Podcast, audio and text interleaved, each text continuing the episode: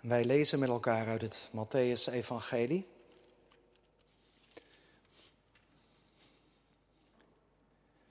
In de komende dagen zal er iedere dag een kort moment zijn, maandag, dinsdag en woensdag.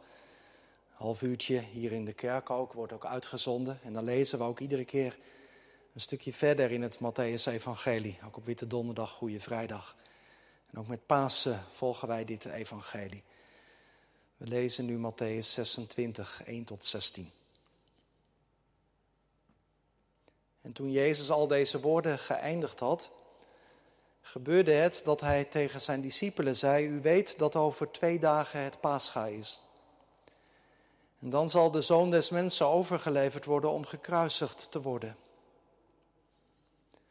Toen kwamen de overpriesters en de schriftgeleerden en de oudsten van het volk bijeen in het paleis van de hoge priester die Caiaphas heet.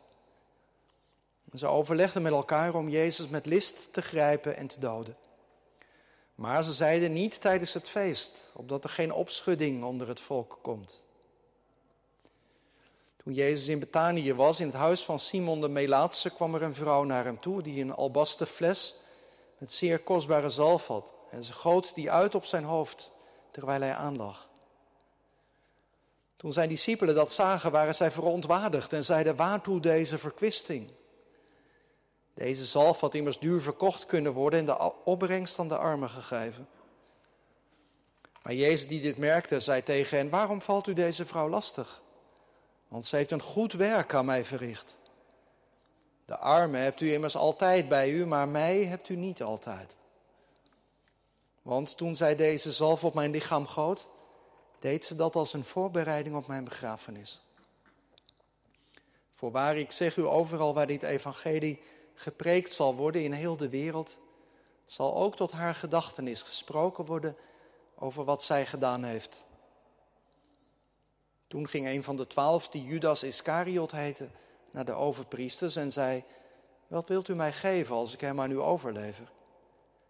En ze kenden hem dertig zilveren penningen toe. En van toen af zocht hij een geschikte gelegenheid om hem over te leveren. Tot zover de lezing uit de Bijbel. Dit zijn de woorden van God. Kernversen zijn de versen 6 tot en met 13, waarboven staat in mijn Bijbel de zalving in Betanië. Gemeente van Christus, deze geschiedenis die staat in een duidelijk kader want in het eerste vers van Matthäus 26 lezen we dat Jezus zegt: Het is twee dagen voor het paascha. Dan zal de zoon des mensen worden overgeleverd om gekruisigd te worden. En direct daarna lees je over een besloten vergadering in het huis van de hoge priester. De overpriesters en de schriftgeleerden komen samen om de mogelijkheden te bespreken, om Jezus in handen te krijgen en hem te doden. Ze loeren op het goede moment. Na de geschiedenis van de zalving van Jezus lees je over Judas. Er wordt een prijs afgesproken voor de uitlevering van Jezus. En hij zoekt een goed moment, staat er. Een geschikte gelegenheid om hem over te leveren. En daartussenin staat de geschiedenis van de zalving in Betanië. Jezus is de gast bij Simon, de Melaatse, zo wordt hij genoemd. Waarschijnlijk iemand die Jezus op een eerder moment genezen had. En Simon heeft Jezus nu uitgenodigd voor de maaltijd. Maar dan gebeurt er iets bijzonders. Een vrouw komt het vertrek binnen dat was al best apart. Een vrouw die zich mengde in een mannengezelschap. Dat deed je niet in die tijd, maar ze laat zich daar niet door imponeren en niet door afschrikken. Ze loopt linea recta naar Jezus toe. En ze neemt het kruikje of de fles die ze heeft meegenomen. Ze breekt de hals van de fles en giet in één keer de fles helemaal leeg boven het hoofd van Jezus. Johannes schrijft in zijn evangelie, de geur van de mirre verspreidde zich door het hele huis. Zoals je dat zelf ook wel eens kunt hebben als je thuis een of ander goedje gemorst hebt. Kun je het dagen later soms nog ruiken. Nou, zo is het vast en zeker ook in dat huis van Simon geweest.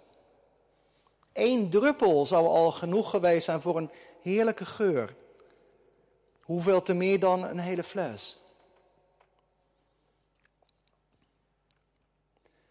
Dat is bijzonder dat hier aan het begin van het Leidensevangelie een element van schoonheid binnenkomt. Het kruisevangelie is vooral grimmig en ernstig. Maar aan het begin is er iets van schoonheid, misschien ook wel iets als een belofte voor de toekomst. Christus ontvangt hier een bemoediging. Intussen wordt het gebaar van deze vrouw niet zo gewaardeerd. Integendeel, de aanwezigen zijn verontwaardigd, staat er. Verkwisting, roepen ze.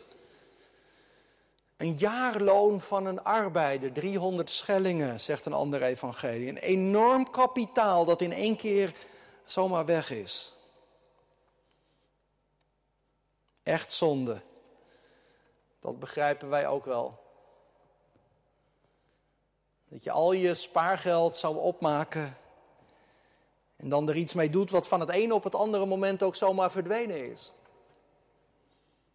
Moet je, moet je indenken, zegt de leerlingen, wat er met dat geld allemaal gedaan had kunnen worden. Hoeveel goeds, hoeveel armen er te eten van hadden kunnen krijgen. Want natuurlijk, je moest het hele jaar door aan de armen denken, maar zeker ook in de tijd van Pascha. Dat geld, dat geld had echt heel veel beter besteed kunnen worden. Ja, dat is om zo te zeggen de ratio. Zo beredeneren wij mensen. Maar Jezus die reageert heel anders. Moet je even indenken trouwens, hoe die vrouw daar zal hebben gestaan. Iedereen keert zich tegen haar en misschien heeft ze ook wel even gedacht, wat heb ik gedaan? Had ik het dan toch misschien niet? Maar Jezus, hij neemt haar in bescherming. Hij, hij neemt het voor haar op. En hij zegt in, in vers 10 en 11, waarom valt u deze vrouw lastig? Ze heeft een goed werk aan mij verricht. De armen hebt u altijd bij u, maar mij hebt u niet altijd bij u. Jezus, hij typeert het gedrag van deze vrouw als een daad van liefde, dat allereerst. Er zit nog een ander aspect aan, dat is het tweede, zal ik straks benoemen. Allereerst een daad van liefde. Deze vrouw, ze, ze, spreekt helemaal niet, hè? ze komt helemaal niet aan het woord. Maar haar daad zegt alles. Het is overvloed, zou je kunnen zeggen. Alles, alles heeft ze over voor Jezus. En daarom maakt ze zich helemaal niet druk over haar reputatie, over haar goede naam. Ze wil bij Jezus zijn. En hem haar hulde brengen.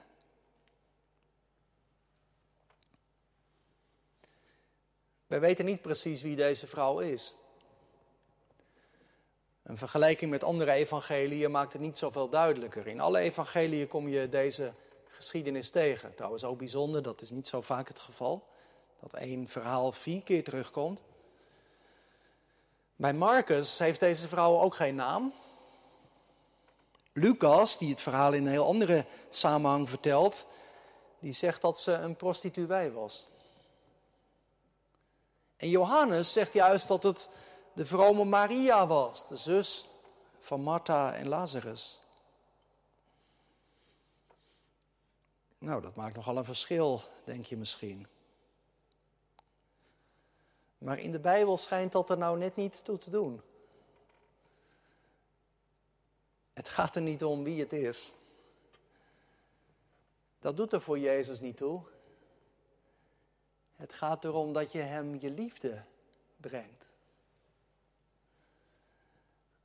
Dominee Noordman schrijft in de meditatie over deze tekst: Ze komt als een vuurvlam van aanbidding en liefde tot Jezus.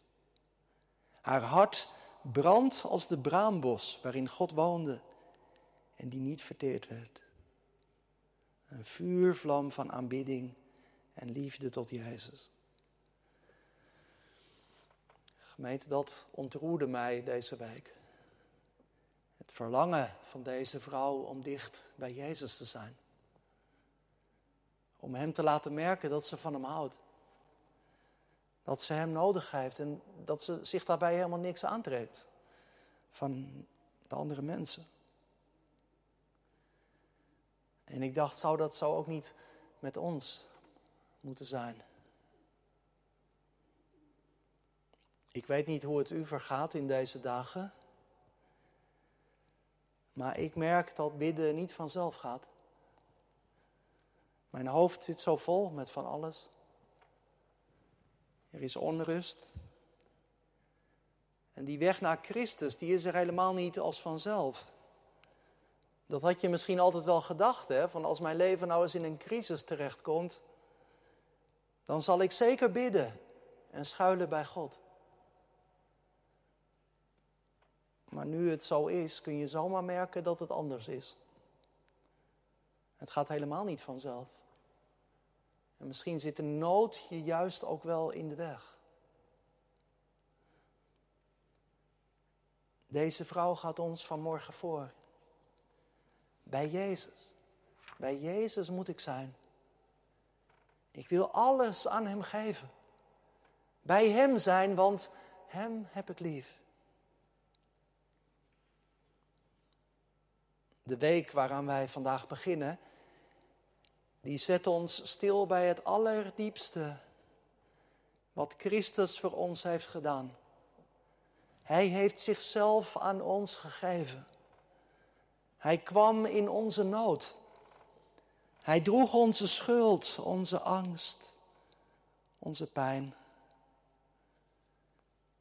En ik zou je willen oproepen, zoek daarom dan ook de nabijheid van Jezus. Ook als je misschien nog niet eens zo precies weet hoe het met jouw liefde staat voor Hem.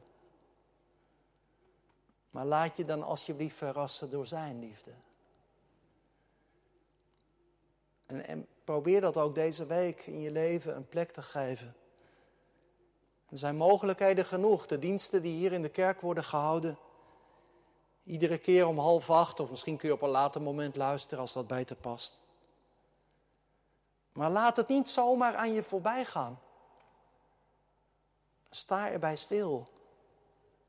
Bij de lijdensweg van Christus. Dicht bij Jezus zijn. Doe dat. Want zonder Hem ben je verloren in de nood van je leven. Deze vrouw gaat ons voor in een daad van liefde. Zij heeft alles ervoor over om aan Jezus haar leven te geven. Maar er is nog iets, dat is het tweede. Wat ze hier doet is ook een daad van geloof. Met de zalving drukt de vrouw uit hoe bijzonder Jezus voor haar is. En het hele gezelschap zal daarbij ook hebben gedacht aan het Oude Testament. Want daar werden ook mensen gezalfd. Als iemand gezalfd werd, werd hij daarmee helemaal toegewijd aan God. Een profeet of een koning of een priester. Mensen die een bijzondere taak hadden gekregen. Gezalfd voor een bijzondere roeping. Nu was het zo dat het met die profeten en koningen en priesters ook lang niet altijd zo goed ging. Mensen waren aan God toegewijd, maar gingen alsnog soms weer een eigen pad. En daarom was in de loop van de geschiedenis het verlangen almaar sterker geworden naar een nieuwe, een bijzondere gezalfde van God. Iemand die helemaal in dienst stond van Hem. En het is op een kruispunt in het Matthäus-evangelie, hoofdstuk 16, dat Petrus zegt, Jezus, ik geloof dat u dat bent. U bent de Christus, zegt hij dan. U bent, betekent dat, de gezalfde van God. Nou, dat is, dat is wat deze vrouw hier ook laat zien. Ze erkent Jezus als de gezalfde, als de beloofde Messias. En dan gebeurt er iets bijzonders, want Jezus geeft een toelichting. Een toelichting bij de daad van deze vrouw. Jezus zegt, haar daad is geen verkwisting, nee. Zij heeft dit gedaan als een voorbereiding op mijn begrafenis.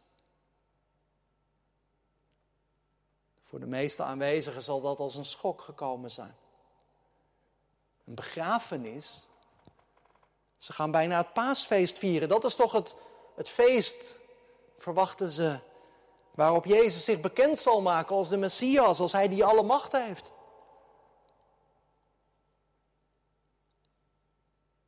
Maar het is anders. Denk aan het begin, Matthäus 26. Jezus kondigt zijn kruisiging aan. De leiders overleggen over zijn dood. En Judas heeft de prijs al afgesproken. Jezus is de gezalfde die zal gaan sterven. Bij een begrafenis werd het lichaam van een dode gezalfd om de doodscheur weg te nemen. En dit gebaar van de vrouw doet daaraan denken. Niemand had daar nog aan gedacht, maar Jezus weet als geen ander wat hem te wachten staat. In dit gebaar van de vrouw ziet Jezus als het ware zijn hele lijdensweg voor zich. Als het kruikje gebroken wordt, dan denkt Jezus aan zijn lichaam dat gebroken wordt. Bij de paasmaaltijd zegt hij dat ook met zoveel woorden. Hij breekt het brood. Dit is mijn lichaam, zegt Jezus, dat voor u, voor jou gebroken wordt. Hier ziet Jezus het al voor zich.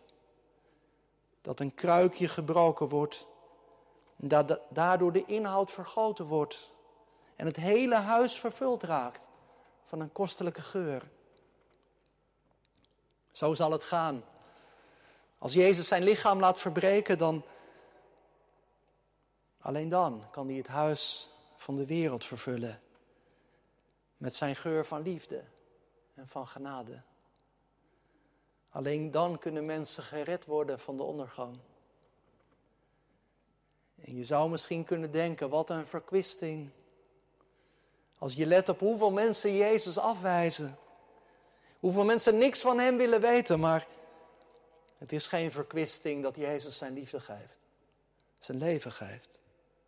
Het is liefde. Onuitputtelijke liefde. Nog even. En zijn lichaam wordt in een graf gelegd. Maar niemand, niemand lijkt het nog door te hebben, dat is apart hè. Die leerlingen van Jezus, die, die zijn drukker met de armen dan met het naderende levenseinde van Jezus. En begrijp me goed, dat bedoelt Jezus hier ook trouwens niet, dat de armen onbelangrijk zijn, in tegendeel.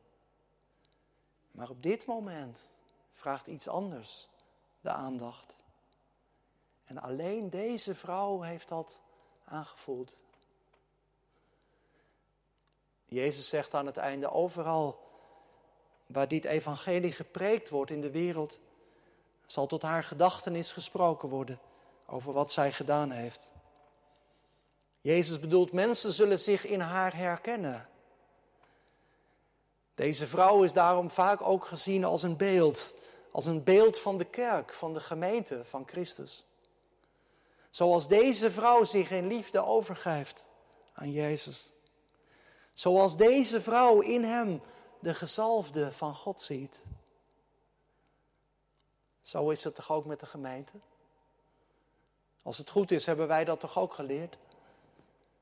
Dat in Jezus God zelf gekomen is.